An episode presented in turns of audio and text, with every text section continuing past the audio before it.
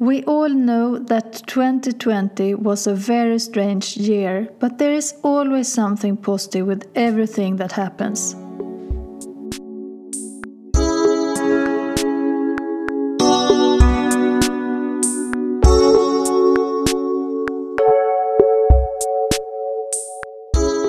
You're listening to Design the Simple Life with me, Ylva Jansson. I'm feng shui organizer and simplify coach and mother of three wonderful girls. I'm here to inspire you into a simple home and lifestyle. I've made a long journey decluttered my home and life, so I know the wonderful feeling of having a clutter free life. And I'm here to show you how to get there too. Welcome to my channel and don't forget to subscribe if you like what I share. So it's time to summarize 2020. I think it's very good to look back a little bit before we go ahead into the next year. I think it's so good to look for the positive things and let the negative leave us. I always use the days around the new year to journal, summarize, and to set up my new goals for the next year. Maybe there's some goals I bring into the new year as well, which I haven't yet reached, but I always adjust them a bit to make it more relevant for me. It's also so easy to just look at the previous last months of the year when summarizing, but if you look at the whole previous year, there has happened a lot, right? I think it's also important to be reminded of the habits you would like to change into the next year to improve your future self. It's so relevant to be aware of your habits. Here's the three steps I always use when I summarize my previous year. Number one, look for five positive things that you have achieved over the year.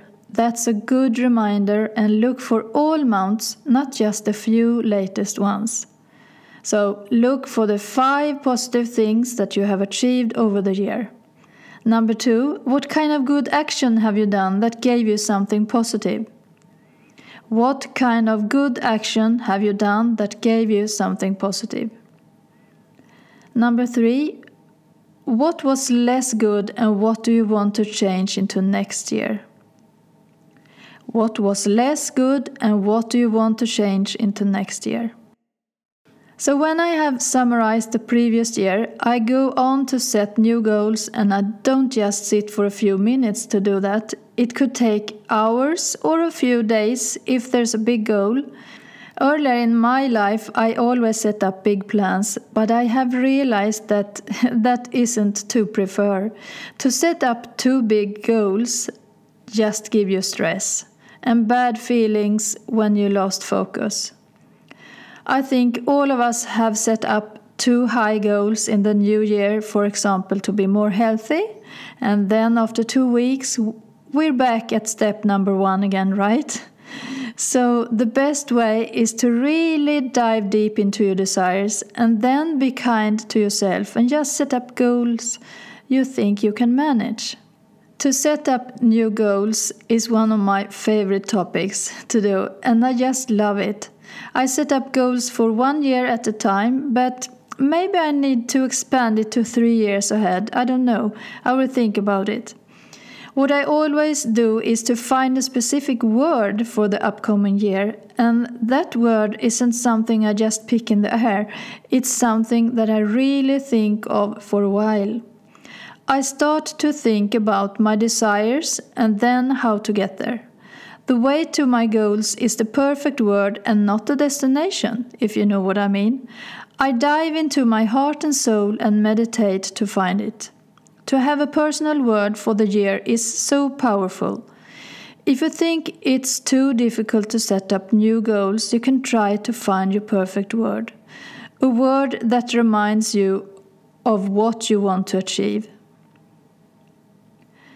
And when you have found your word, Put it visible on your wall somewhere in your phone or on your computer or another place you can look at many times a day. Consider how many times you're looking at your phone in a day, and then you understand that to have it there is a perfect place. When your word shows up for you many times, you remind yourself of your goal and then you start to be focused again and again and again.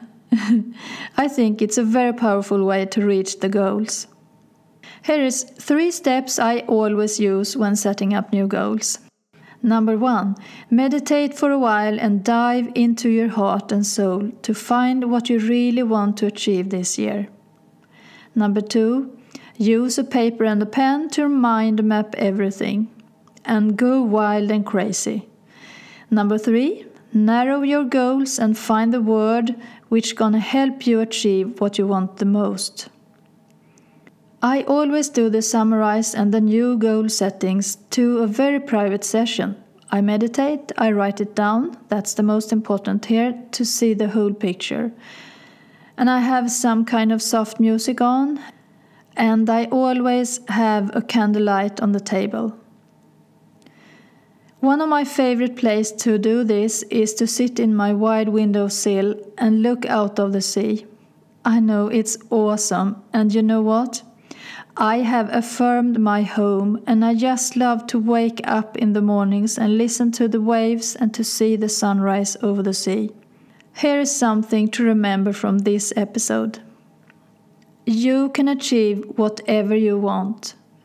You just have to be very clear, write it down, look at it every day, and affirm your future self in the picture where you want to see yourself. So, there you have it.